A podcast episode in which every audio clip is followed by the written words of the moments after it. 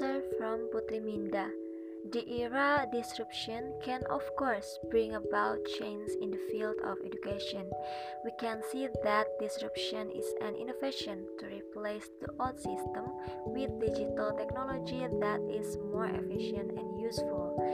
Thus, the era of disruption is the era of Industrial Revolution 4.0, which is marked by fundamental changes in life that are more efficient and useful in society as a result of digital technology innovation, thought mastery, and use of science and technology to improve the quality of life.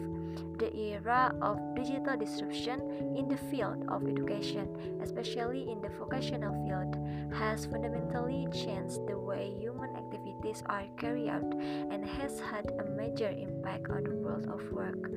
The positive influence of this digitalization era is in the form of effectiveness and efficiency of researches and production costs even though it has an impact of reduction employment.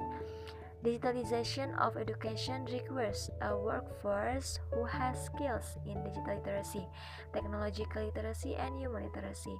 Another impact of technological innovation is that the boundaries between the learning process will actually become blurred.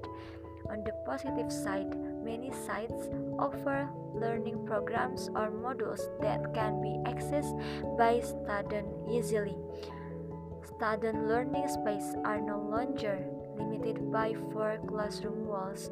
The learning process in cyberspace, which is sometimes also used in a handful of campuses, recognizes no formal and informal boundaries.